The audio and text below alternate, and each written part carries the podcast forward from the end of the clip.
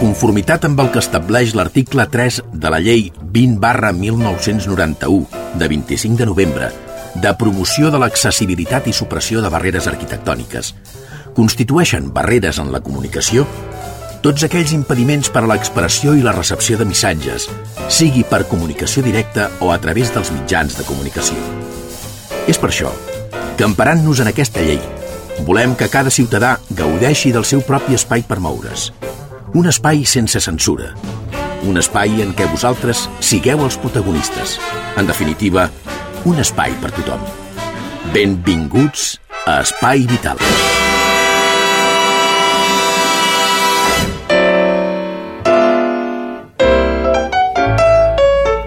Senyores i senyors, què tal com estan? Benvinguts, ben trobats a un programa més, un dia més.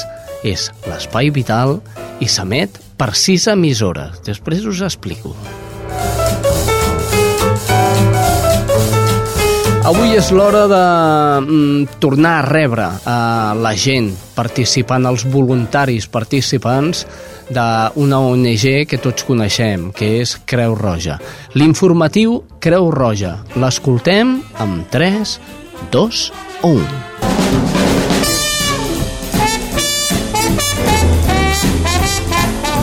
Estàs escoltant Espai Vital.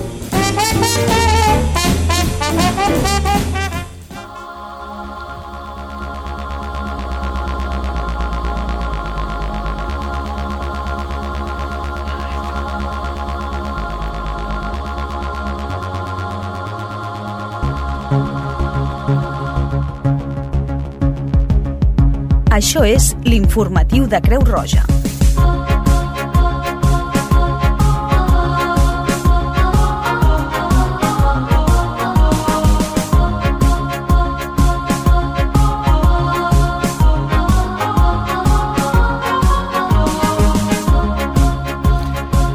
Salutacions cordials. Després d'uns mesos de que no hem intervingut a Cerdanyola Ràdio en el programa d'Espai Vital, la Creu Roja de Cerdanyola Ripollet Montcada torna a fer a reanudar el seu informatiu.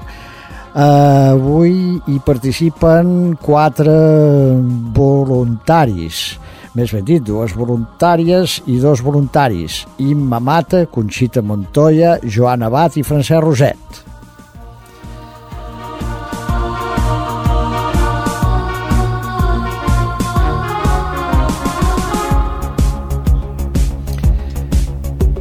Imma, eh, crec que tens informació sobre la macrofesta que els estudiants organitzen a la Universitat Autònoma en la que la Creu Roja de Cerdanyola Ripollet Montcada monta un dispositiu de serveis preventius.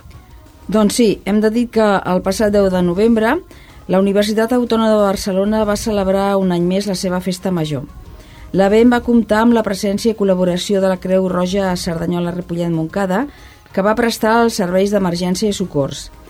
Aquest any es va atendre a més de 67 joves entre els 17 i els 22 anys. Aquest any es va produir un augment del 35% respecte a l'any anterior pel que fa a l'assistència sanitària per a intoxicació per drogues. El 37% de les persones assistides va ser per traumatismes i politraumatismes, com poden ser talls al cap, al rostre i extremitats, cremades, contusions o esguinços, entre d'altres, mentre que un 57% va ser assistit per intoxicació de substàncies psicoactives com d'alcohol, marihuana, cocaïna, amfetamines, etc.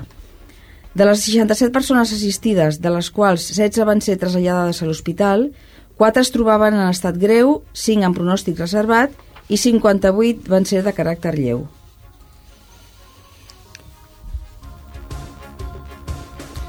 La Creu Roja també està compromesa amb la lluita contra la violència de gènere i commemora cada any el Dia Internacional contra la Violència cap a la Dona.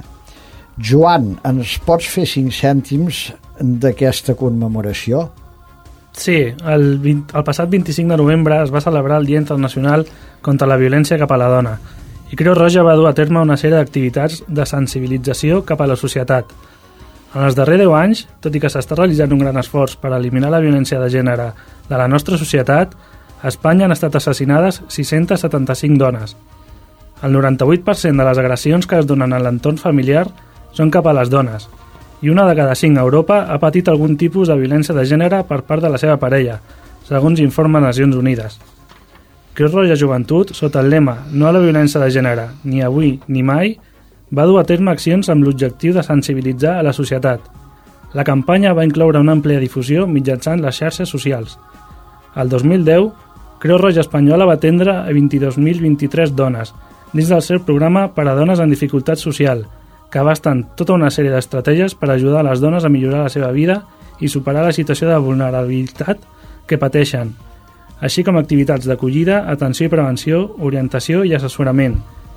Des d'aquí us volem recordar que podeu trucar al telèfon 016, gratuït i confidencial, per denunciar qualsevol tipus de violència de gènere. Imma, ens pots donar breument algunes dades sobre la cooperació internacional de Creu Roja en aquest moment? Doncs sí, la Creu Roja compta actualment amb més de 300 cooperants o delegats en un centenar de països, com Etiòpia, Madagascar, Colòmbia, El Salvador, Sri Lanka, Pakistan, Moçambic, Bolívia o la Índia, entre d'altres. La Creu Roja executa més de 1.200 projectes de cooperació internacional amb un pressupost de més de 361 milions d'euros, que beneficien a més de 13 milions de persones a tot el món. El seu treball és fonamental per reduir la vulnerabilitat de les poblacions més pobres i vulnerables i assistir a les víctimes de diferents emergències i desastres naturals.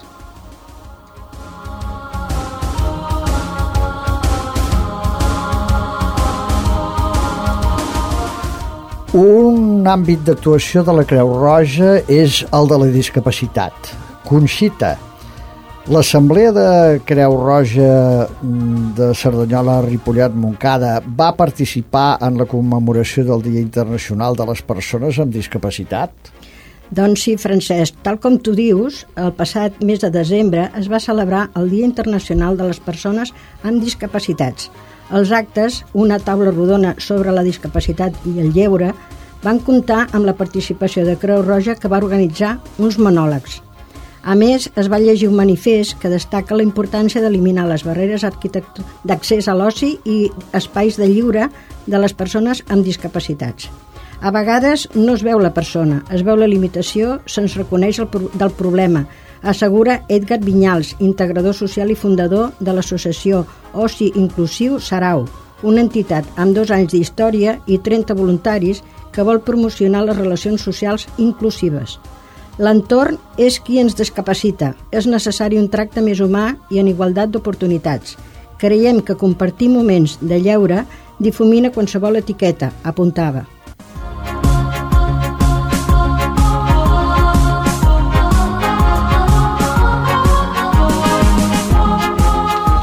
Degut a la crisi econòmica que patim tots, la pobresa ha anat augmentant. Això la Creu Roja ho sap molt bé i actua en conseqüència dins de les seves possibilitats.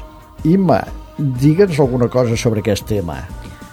Doncs hem de dir que malauradament des que va començar la crisi econòmica moltes famílies catalanes han hagut de recórrer a organitzacions humanitàries. És el cas de la Creu Roja a Catalunya, on un 40% de les persones ateses en programes de lluita contra la pobresa i exclusió social no havien sol·licitat mai cap ajuda bàsica abans de l'any 2010. Josep Marquès, president de la Creu Roja a Catalunya, atribueix aquest augment de persones que necessiten ajuda de l'organització a la falta de treball i la pèrdua de prestacions i va definir els nens com els més perjudicats juntament amb la gent gran. L'any passat, Creu Roja va repartir, mitjançant el seu programa d'aliments, un volum de productes que va arribar als 9 milions de quilos i va repartir kits socials per a 44.743 persones a tota Catalunya, que és un 60, 61% més que l'any anterior.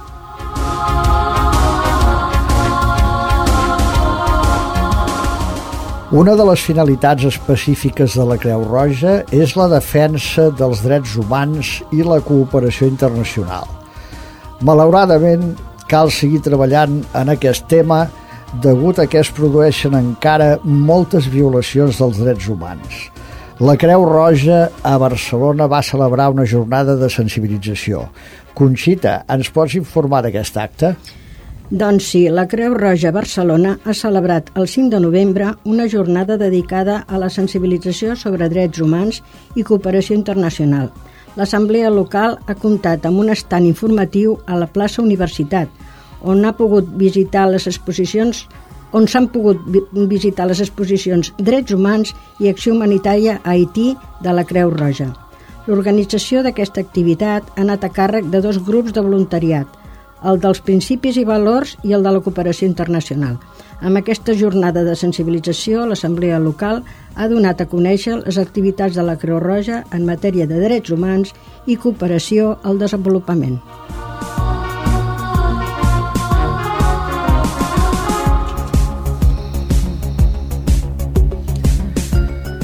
La Creu Roja col·labora sempre que és possible amb altres entitats en diferents àmbits.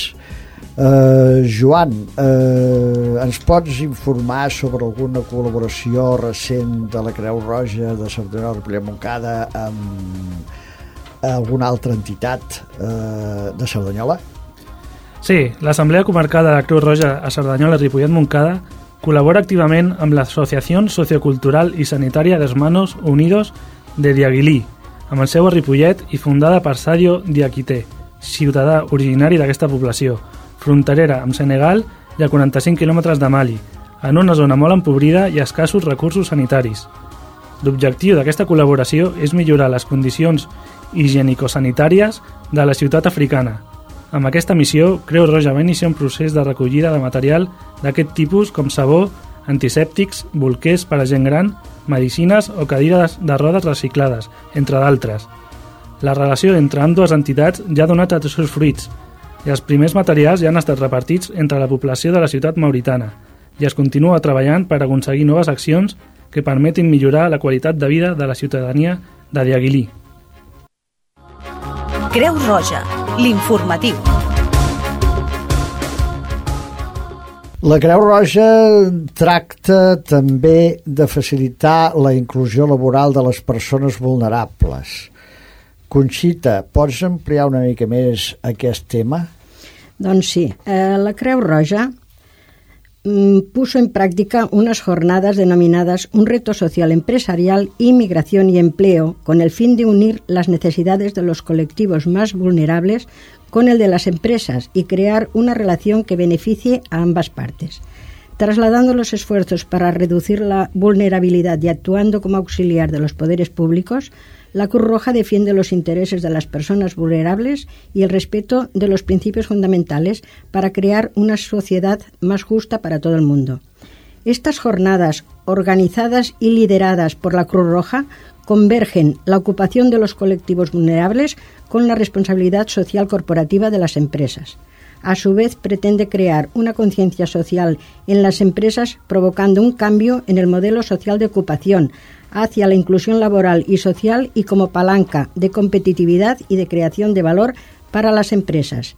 Dicho evento se celebró el 22 de noviembre de 2011 en el Hotel Trip Condal Marde de Barcelona.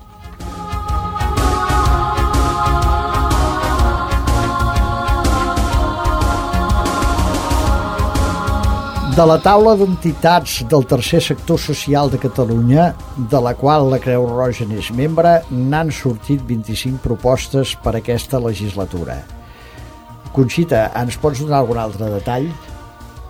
Doncs sí, avançarem. La taula d'entitats del tercer sector social de Catalunya, de la qual la Cruz Roja és membre, ha recogido en el documento Preservar la cohesión social las 25 propuestas dirigidas a los representantes políticos para la próxima legislatura, que se ha iniciado después de las elecciones generales del 20 de noviembre.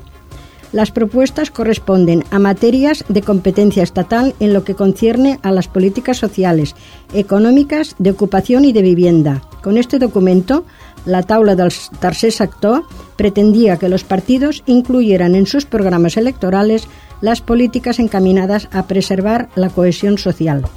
Algunas de las propuestas que se destacan en el documento son el establecimiento de una renta mínima garantizada de 600 euros para las personas con unos ingresos inferiores al umbral de la pobreza o la reforma del sistema de financiación de la Ley de Promoción de la Autonomía Personal y de Atención a la Dependencia, entre otras medidas. Las elecciones generales del 20 de noviembre han estado marcadas por la crisis económica y por un incremento alarmante de los índices de desocupación, de vulnerabilidad y de pobreza. En Cataluña, una de cada cinco ciudadanos vive bajo el umbral de la pobreza, 600.000 no tienen trabajo y de estos 160.000 no reciben ningún subsidio se calcula que entre octubre de 2011 y marzo de 2012 esta última cifra se duplique hasta las 320.000 persones. Fa poc que la Creu Roja ha desenvolupat eh, una activitat conjuntament amb la Unitat Militar d'Emergències. Joan, en què va consistir aquesta activitat? Sí, la Creu Roja va dur a terme recentment una formació al personal de la Unitat Militar d'Emergències de les Forces Armades a Sant Climent Sescebes, a l'Alt Empordà, emmarcada dins del conveni que les dues organitzacions van signar per fer front a situacions d'emergència. Aquesta formació va constar d'unes xerrades on s'explicaven els objectius i les funcions del moviment internacional de la Creu Roja i la mitja lluna. L'objectiu d'això és aprofundir i millorar el treball que realitzen conjuntament tant la Creu Roja com la UME a l'hora d'enfrontar-se a diverses emergències, com l'atenció als afectats pel terratrèmol de Llorca o el procés de reconstrucció d'Haití. La formació va córrer a càrrec de voluntaris de l'Assemblea de Barcelona, Girona, i van participar-hi també voluntaris de l'Assemblea Comarcal de Creu Roja, Cerdanyola, eh, Ripollet i Moncada.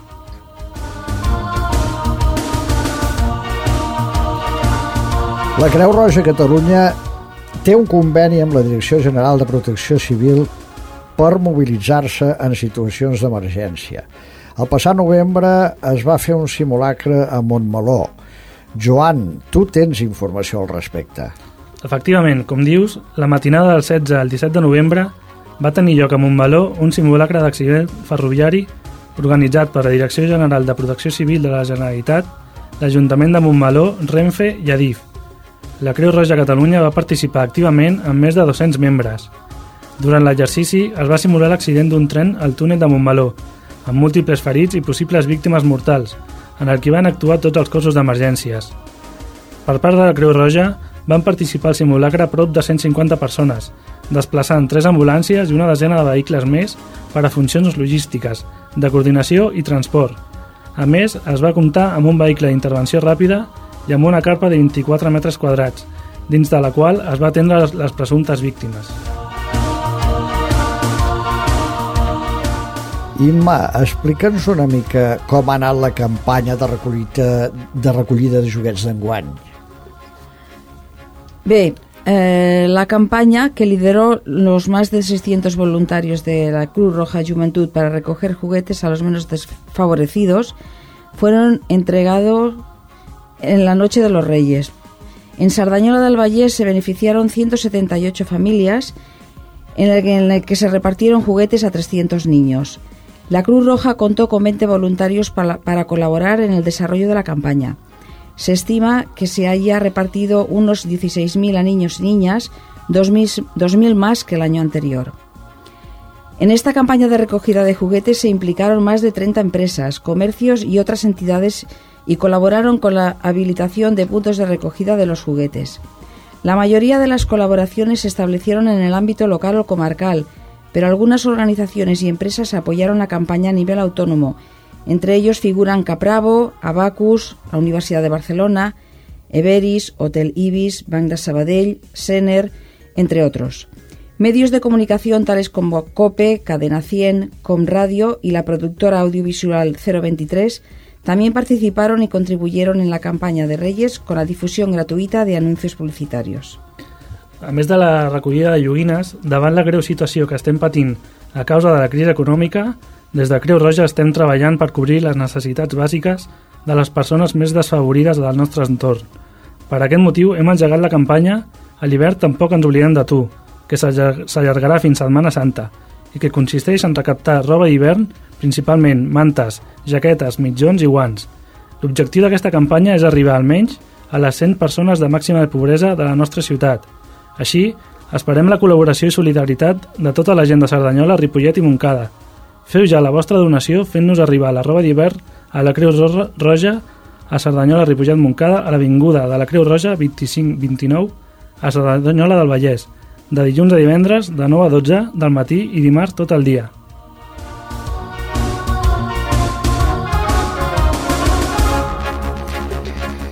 Bé, ja per acabar, només eh, voldríem dir que degut a la crisi econòmica la feina a la Creu Roja s'ha multiplicat i que mm, necessitem voluntaris i voluntàries que vulguin donar una part del seu temps per ajudar els demés.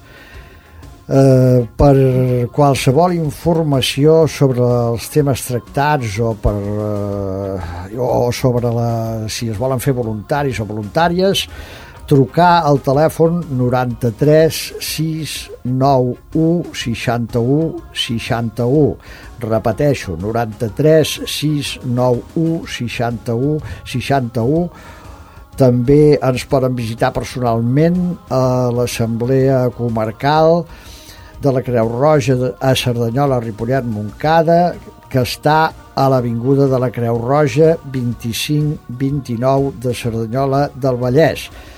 Eh, estem allà, seran ben rebuts de dilluns a divendres de 9 a 13 i de 16 a 19. També disposem de correu electrònic. Eh, L'adreça és la següent.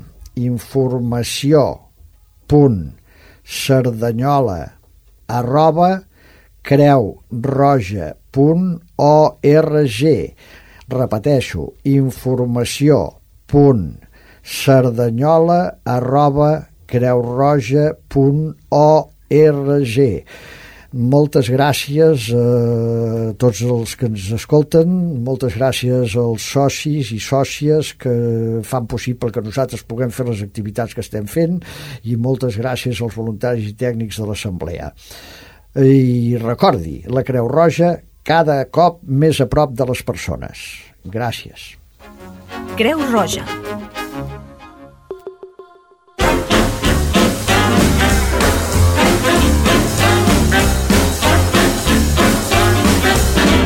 Espai Vital, el primer programa adaptat de les zones. I a més que s'emet per Cerdanyola, Ripollet, Montcada, Barberà, Santa Perpètua i Sabadell. Coneguem les notícies, les últimes notícies que arriben a nivell mm, sanitari, mm, un espai dels serveis informatius de les sis emissores de ràdio que coprodueixen Espai Vital. Comencem amb Cerdanyola. Allà es troba la Rosa Morante. Hola Xavi, avui des de Cerdanyola Ràdio us expliquem que l'Assemblea de la Creu Roja de Cerdanyola, Ripollet i Montcada i Reixac fa una crida a la col·laboració de tota la ciutadania en la campanya a l'hivern Tampoc ens oblidem de tu, de recollida de roba d'abric per a les persones més necessitades. Creu Roja recull aquests dies mantes, edredons, abrics, guants i altres peces d'abric amb la intenció d'ajudar les famílies amb menys recursos. Des de l'Assemblea local insisteixen en la crida coincidint amb l'onada de fred. El material es pot deixar a la seu de l'ONG, a l'Avinguda de la Creu Roja número 25. El coordinador de l'Assemblea local de Creu Roja, César Martínez, recorda la situació precària per la que passen moltes famílies i assenyala la importància de col·laborar en una iniciativa com aquesta. La campanya s'emmarca en un projecte més ampli per afrontar les conseqüències de l'onada de fred per a persones amb pocs recursos o en situació de risc. Creu Roja està recollint en aquests moments el material i en pocs dies es repartiran els kits elaborats entre les famílies sol·licitants. Les peces d'abric es poden deixar a l'assemblea local de dilluns a divendres en horari de 9 a 2 de la tarda. I això és tot fins a la setmana vinent. Molt bé, gràcies Rosa Morante. Anem cap a Ripollet, allà es troba la Franzina Ricard, que us dic que tenia una mica d'afonia. No sé com li sortirà el tema avui a la Franzina. Franzina, bon dia. Una salutació als amics i amigues de l'Espai Vital. Avui us portem una notícia solidària perquè Creu Roja està portant material higiènic i sanitari per la població de Diaguili, a Mauritània. Creu Roja està realitzant aquesta campanya conjuntament amb l'Associació Sociocultural i Sanitària Hermanos Unidos de Diaguili. L'entitat amb seu a Ripollet ja ha fet la primera tramesa de material que reparteix la contrapart africana. L'objectiu del treball conjunt és millorar les condicions higiènico-sanitàries d'aquesta ciutat africana. L'Associació Sociocultural i Sanitària Hermanos de Diaguili va néixer l'any passat amb la intenció d'ajudar el país d'origen dels seus compoments a Mauritània i més concretament a la ciutat de Diaguili. Aquesta ciutat fa frontera amb Senegal i es troba a 45 quilòmetres de Mali. Té uns 27.000 habitants en una zona molt empobrida on es viu principalment de l'agricultura i pràcticament la totalitat dels joves que arriben als 18 anys emigren a altres països del primer món a recercar un futur més pròsper i una vida millor. I això és tot des de Ripollet. Bona tarda. I això és tot de la teva veu. Nena, eh, t'ha agafat fred, fred, fred, però a poc a poc ho aniràs curant i la setmana vinent et tornarem a sentir la franzina de totes les setmanes. Molt bé, ara ens anem cap a Barberà. Allà es troba la Judit González. Salutacions de Ràdio Barberà. El Banc de Sang i Teixits ha tornat a Barberà del Vallès amb una nova campanya de donacions de sang. D'aquesta manera, la ciutadania barberenca ha tingut una nova oportunitat per participar en aquest acte solidari. El passat dimecres, tots aquells que van voler realitzar la seva donació es van poder acostar a la plaça de la Vila per fer-la. El Banc de Sang i Teixits visita Barberà del Vallès cada mes en diverses ocasions, ja sigui a través de la seva unitat mòbil com els centres d'atenció primària. D'aquesta manera, els ciutadans i ciutadanes poden realitzar les seves donacions amb tota comoditat. Fins la setmana vinent. Gràcies, Judit González. Des de Barberà anem corrent, corrent cap a Montcada. Allà es troba la Sílvia Díaz. Hola, salutacions des de Montcada, l'Espai Vital. L'alcaldessa de Montcada i Reixac, Maria Elena Pérez, es va reunir el 31 de gener amb la gerent i la directora de la zona nord de Barcelona del CatSalut, Carme Esteve i Aurora Duenyes, respectivament, per reclamar-los potenciar l'atenció domiciliària sanitària al municipi i que hi hagi una ambulància nocturna fixa al centre de la ciutat per tal de donar més seguretat als veïns que necessitin atenció mèdica a la nit i no tinguin mitjans propis per anar al CUAP de Cerdanyola-Ripollet. Recordem que des del juliol passat els veïns de Montcada han d'anar allà per ser atesos d'urgències més enllà de les 12 de la nit. Les representants del CatSalut van dir a l'alcaldessa que s'està elaborant un informe al respecte i que s'intentarà garantir el compliment de la petició municipal sempre i quan sigui viable. Quan el nou ambulatori que s'ha de construir a Montcada per substituir l'actual de la plaça Lluís Companys, la Generalitat ha anunciat que ha començat a elaborar el pla funcional de l'equipament i un cop aprovat es lliurarà al consistori per decidir la seva ubicació d'acord amb la superfície mínima necessària. L'alcaldessa ha reiterat la petició que aquest centre estigui eh, equipat com un centre d'especialistes i romangui obert les 24 hores del dia i no només serveixi per substituir l'edifici actual. D'altra banda, tot i que les dades de seguiment del servei segueixen donant com a resultat que no hi ha hagut incidències, l'Ajuntament creu necessari el restabliment del servei d'urgències a Montcada per garantir una atenció sanitària continuada. Això és tot. Fins la setmana vinent. Fins la setmana vinent, Sílvia. De Montcada ens anem ràpidament cap a Santa Perpètua de la Moguda. Allà es troba Estrella Núñez. Salutacions des de Santa Perpètua. El local de l'edifici d'habitatges de la gent gran de l'Avinguda de Jacint Verdaguer acollirà properament la regidoria d'Igualtat Dona-Home amb el Servei d'Atenció i Informació a les Dones i la regidoria de Convivència i Ciutadania. Aquest edifici serà gestionat per l'àrea de benestar social i atenció a les persones de l'Ajuntament de Santa Perpètua. La corporació local va aprovar en la darrera sessió plenària una, una modificació pressupostària de 40.000 euros per fer front als treballs d'adequació del local. El tinent d'alcalde responsable de l'àrea de benestar social, Francesc Rodríguez, va explicar al ple que l'edifici de l'Avinguda de Jacint Verdaguer estava destinat, en principi, exclusivament a gent gran, però que aquest extrem no s'ha complert. El conveni originari també establia uns espais d'usos comuns per als veïns de l'edifici, com una sala d'usos múltiples, sala de reunions, magatzem, punt de lectura, espai informàtic, despatx per una treballadora social i recepció, entre d'altres. Rodríguez també va comentar que el conveni, però, no fixava qui s'havia de fer càrrec d'aquests serveis. El regidor també va avançar que el projecte Santa Perpètua Suma també tindria la seva seu en aquest local que inclou el punt de voluntariat, l'escola de ciutadania i el punt integral d'atenció a les persones amb discapacitats. També hi haurà un despatx per una treballadora social. Les regidories d'Igualtat Dona-Home i Convivència i Ciutadania de l'Ajuntament de Santa Perpètua es traslladaran properament als baixos de l'edifici de la gent gran. També s'hi ubicarà en aquest espai el Servei d'Informació i Atenció a les Dones i el projecte municipal Santa Perpètua Suma. Això és tot, fins la setmana vinent. Gràcies, Estrella Núñez. Des de Santa Perpètua anem cap a Sabadell. Allà es troba ja, per últim, la última crònica, eh, Karen Madrid. Escoltem-la. Salutacions des de Sabadell. L'Hospital de Sabadell alerta que les baixes temperatures d'aquests dies, que venen acompanyades d'un temporal de neu, poden provocar una epidèmia de grip i d'altres malalties respiratòries, com pneumònia o pulmonia. El director executiu del centre, el doctor Joan Martí, assegura que amb el fred baixen les defenses i alhora els virus es transmeten més ràpidament. Per tot plegat des del taulí fan una crida als ciutadans a abrigar-se, a no estar a prop de les persones infectades i, en cas de caure malalts, fer repòs i beure molts líquids. És tot des de Sabadell.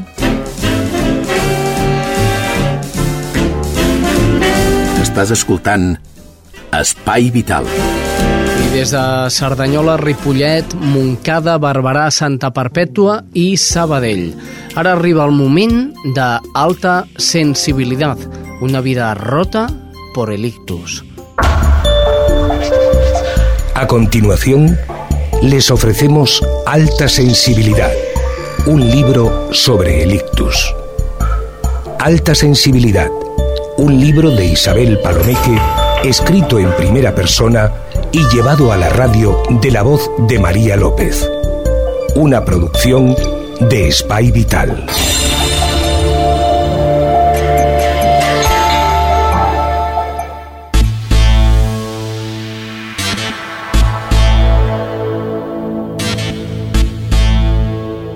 Primero fue Laura, la antesala de la crisis. En pocos segundos me sentí como transportada. Me adentraba en un estado en el que el cuerpo se desdoblaba de mi conciencia. Algo no iba bien.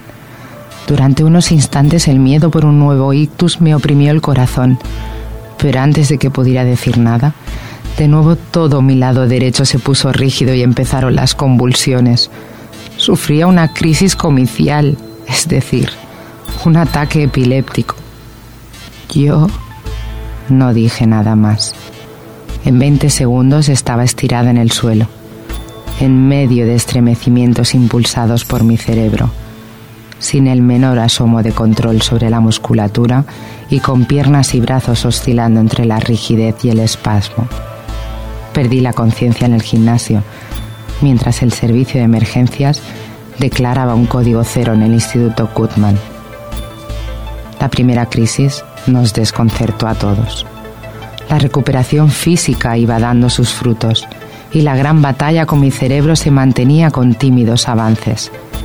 Sin embargo, no esperábamos que algo más pudiera aparecer, que un nuevo y desconocido síntoma nos recordara todavía de manera tan terrible la presencia del ictus. De hecho, no se trataba de un síntoma, sino de una secuela habitual en todos los accidentes cerebrales, la epilepsia. El ictus había dejado a su paso una anomalía en mi funcionamiento neuronal y en consecuencia, según los médicos, debería medicarme de por vida para protegerme de estas crisis. Por otro lado, no obstante, la medicación tiene unos efectos secundarios tan devastadores, depresión, irritabilidad, mareos, etc., que durante bastante tiempo nos resistimos a aceptarla como una medida necesaria. Habrían de pasar cinco episodios compulsivos más para acabar de minar nuestra voluntad y aceptar que el riesgo de una nueva crisis era demasiado alto para ignorarlo. Así, lo comprendí en la segunda ocasión en que Laura me atrapó. Estaba en el pueblo, en Quintanilla Escalada de Burgos, con unos amigos que jugaban un partido de fútbol. De repente se produjo el ataque. Entonces la rigidez de la pierna les impidió trasladarme en coche a un hospital y me cargaron como un fardo dentro de una furgoneta. El lado cómico de la imagen chocaba, sin embargo, con serias dificultades para respirar y convulsiones brutales que me dejaron absolutamente agotada. Después de una crisis, el cuerpo se debilitaba como si hubiera sido sometido a un esfuerzo sobrehumano. Yo me sentía como si acabara de correr una maratón de 40 kilómetros y tardaba días en volver a la normalidad. Por otra parte, la medicación me hacía sentir más inválida aún, hundida y deprimida. Me sentía morir.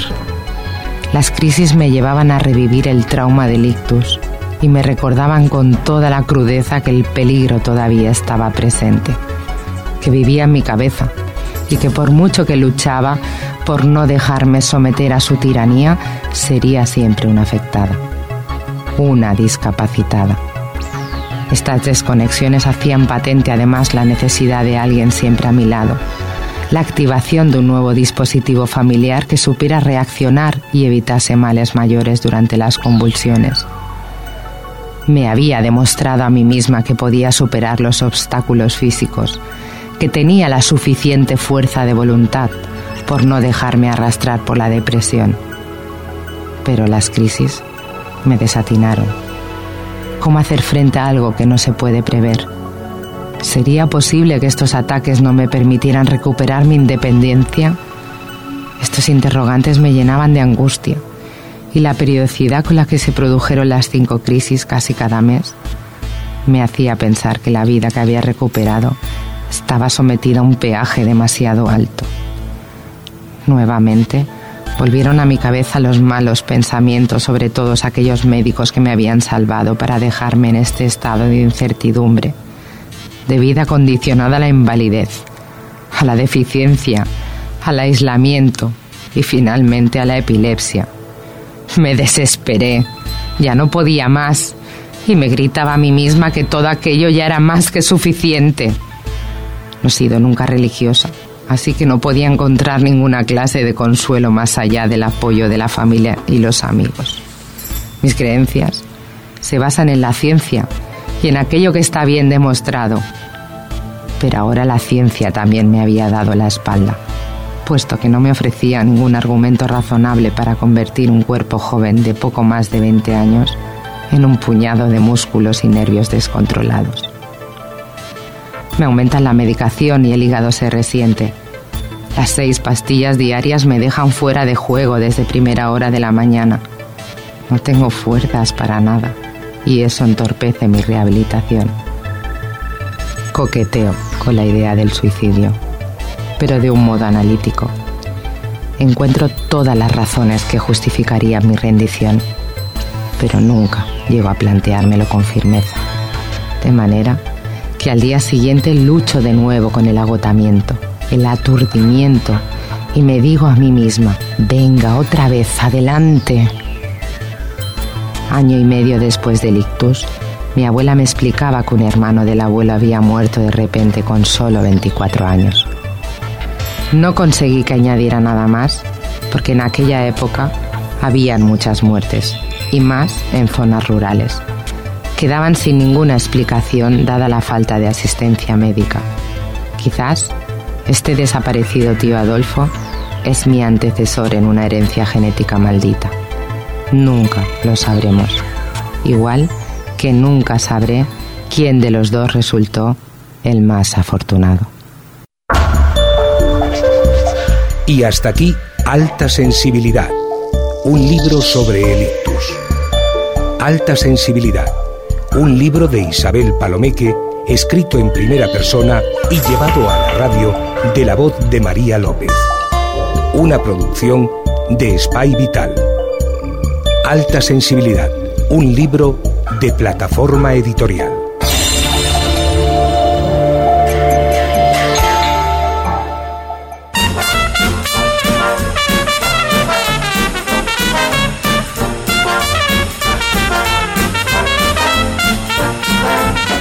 Espai Vital. I ara l'Espai Vital és el moment de parlar de salut, l'espai salut de l'Espai Vital. Avui, obesitat infantil, la segona part. Salut.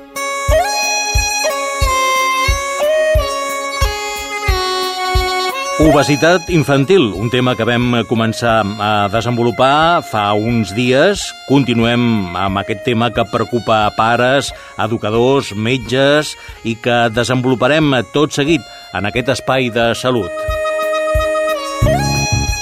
Amb la col·laboració del Servei de Salut Pública de la Diputació de Barcelona.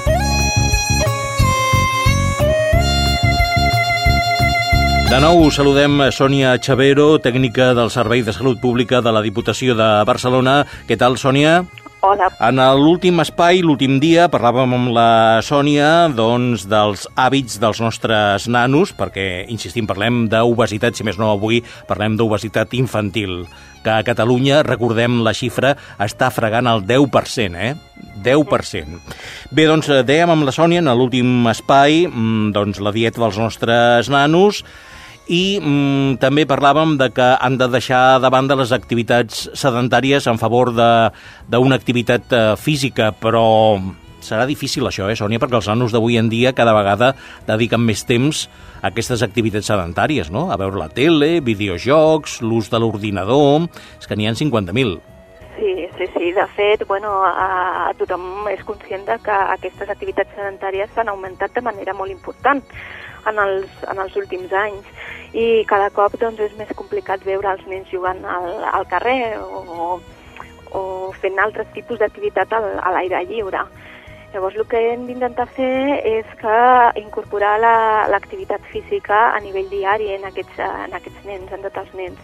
Uh, uh, els, els estudis evidencien que els infants i els joves han de fer una hora diària d'activitat física moderada que això comporta beneficis per a la seva activitat uh, quotidiana i la seva qualitat de vida. Escolta, i quina influència té, ja que parlàvem de la tele, mm, quina influència té en els hàbits alimentaris dels nostres nanos la publicitat televisiva en un horari infantil de determinats productes i begudes, no? Sí, sí, sí. El màrqueting i la publicitat de determinats, determinats aliments i begudes que són els calòrics doncs eh, criden l'atenció dels, dels infants i fan que bueno, es propicin la seva ingesta. Per tant, eh, aquí l'administració eh, ja ha elaborat diferents estratègies, com pot ser l'estratègia NAOS a nivell estatal o el programa PAS a nivell de Catalunya, que intenten doncs, eh, controlar aquest màrqueting i aquesta publicitat d'aliments i begudes. No, a més, generalment quan s'anuncien són productes molt cridaners, amb embolcalls molt cridaners, eh? vull dir que suposo sí. que entren molt bé pels ulls de, dels nanos, i mm, jo entenc que el que comenta la Sònia no vol dir que no puguin menjar un caramel o dos o una bossa de crispetes en tant en tant, eh? No, no, no. No, tampoc es tracta d'això, no? no? De, no, no. de posar-los a règim, a un règim sever, no? Això, no, això és el que no s'ha de fer. Bueno, sempre s'ha de seguir el consell mèdic, però és evident que un nen, un infant, eh, no, no cal posar-lo a règim. L'únic que s'ha de fer és eh, estudiar quins són els hàbits alimentaris d'aquest infant, fer-los saludables i, per una altra banda, incorporar l'activitat física a, a la seva rutina diària perquè el seu estil de vida uh, sigui un estil de vida actiu. Escolti, d'aquests factors que comentem, n'hi ha algun que sobremanera contribueixi a l'obesitat infantil? Uh, possiblement la mala ingesta d'aliments. La mala ingesta d'aliments i el que ja hem comentat, la manca d'activitat física. Sí, sí, Són els dos temes els bases, factors, eh? Sí, els sí. dos factors bases perquè a nivell tan infantil com juvenil la prevenció de l'obesitat ha de passar doncs, per l'adopció d'hàbits alimentaris saludables i eh, portar a terme un estil de vida actiu. Jo anava a demanar per la prevenció, mm, busquem la prevenció com sempre, en aquest cas, per prevenir l'obesitat infantil, doncs una ingesta eh, adequada de productes alimentaris no? i activitat sí. física seria lo recomanable? Sí, sí, sí, han d'anar lligades, o sigui, no es pot fer ni una ni l'altra per separat, sinó que l'ideal és que vagin de la mà. A mi també em sona per això a recomanacions per adults, eh? Aquestes que fem, no? Sí. No, no, no només per nanos, sinó per també... Per com per adults. El que per infants, per exemple, eh, recomana una hora mm, diària d'activitat física uh -huh. i per adults eh, es recomana 5 hores eh, a la setmana. O sigui, per infants serien, infants i joves serien 7 hores diàries d'activitat física moderada i per adults serien 5 hores activitat física moderada. Uh, també és important reconèixer que no fa falta anar al gimnàs per fer activitat física, sinó que l'activitat física la podem incorporar en la nostra rutina diària, com per exemple en encaminar a l'escola o al treball, uh, pujant escales en comptes d'agafar l'ascensor o baixar-se en una parada d'autobús o de metro abans per caminar una estona més. En comptes de que els pares acompanyin els nanos en cotxe d'una cantonada a una altra, a la següent, doncs més val que hi vagin a peu, per exemple, no? Sí, eh? això mateix, sí. Doncs preneu bona nota de les recomanacions que acaba de fer-nos la Sònia Chavero, tècnica del Servei de Salut Pública de la Diputació de Barcelona. Gràcies i fins la propera, Sònia. Gràcies a vosaltres.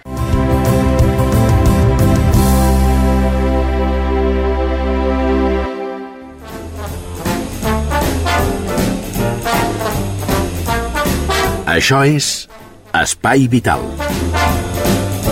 A les acaballes del programa d'avui encara ens queda la cuina. I com sempre, la cuina ens la porta Conxita Naudi. Bon dia. Hola, Xavi. Què tal? Avui et porto una recepta que és carn amb bolets a l'estil Santa Cecília.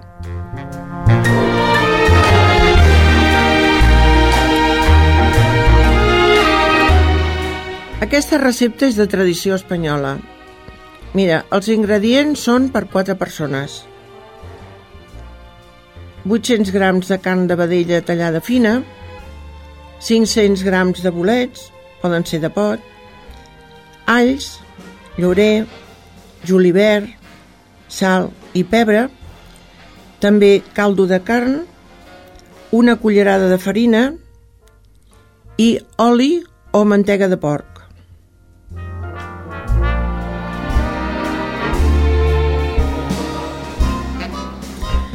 La preparació és molt senzill. En primer lloc, heu d'agafar la carn i la fregiu amb oli d'oliva i dos dents d'all. Quan està dorada, s'hi afegeix el caldo fins a, cobrir-la i s'hi posa la sal i el pebre que vosaltres creieu oportú, eh? i una fulla de llaurer. Quan la carn està a mitja cocció, s'hi posen els bolets ben nets i una cullerada de mantega de porc que sempre hi dona un altre toc de gust. Això ho deixeu coure fins que la carn estigui al seu punt. I al final s'hi afegeix una mica de farina per espassar la salsa, que sempre és bo poder-hi socapar i es serveix amb mall i julivert picats per sobre, sobretot calent. Doncs fins aquí la recepta, ja veieu que és molt senzilla i molt bona. Ara us donaré una petita explicació. Mireu, Santa Cecília estava molt unida al cel per la seva delicadesa pels instruments de música. En Rafael la va pintar en l'església de Sant Giovanni de Bolònia amb instruments a les mans i els peus. Aquesta recepta tan sabrosa, que és música pels paladars, té merescut el nom d'aquesta santa per la del delicadesa del seu aroma. Res més, que aprofiti fins una altra. Hem arribat a la fi del programa d'aquesta setmana. Gràcies per la vostra atenció eh, Jordi Puy al control tècnic, a la producció Maria López i un servidor, Xavi Casas. Ho deixem amb els pets i fins la setmana vinent. I que festejo per no quedar-me sol Sé que la tele és tan banal que em fot de mal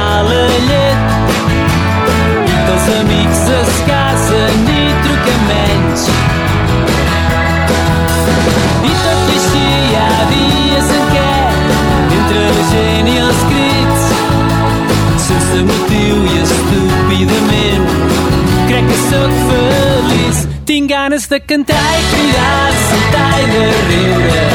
Sense cap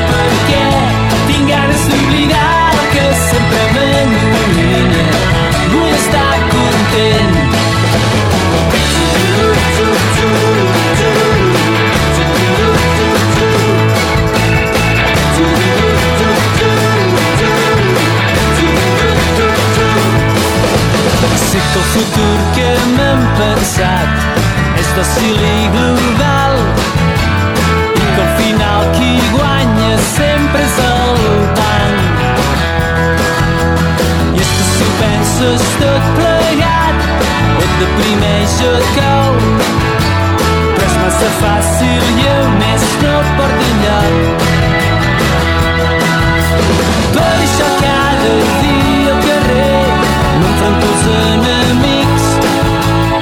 sense motius i estúpidament, amb un gran somrís. Tinc ganes de cantar i cridar, de saltar i de riure, però sóc molt conscient que també m'he canviat les coses que m'amoïnen per estar content.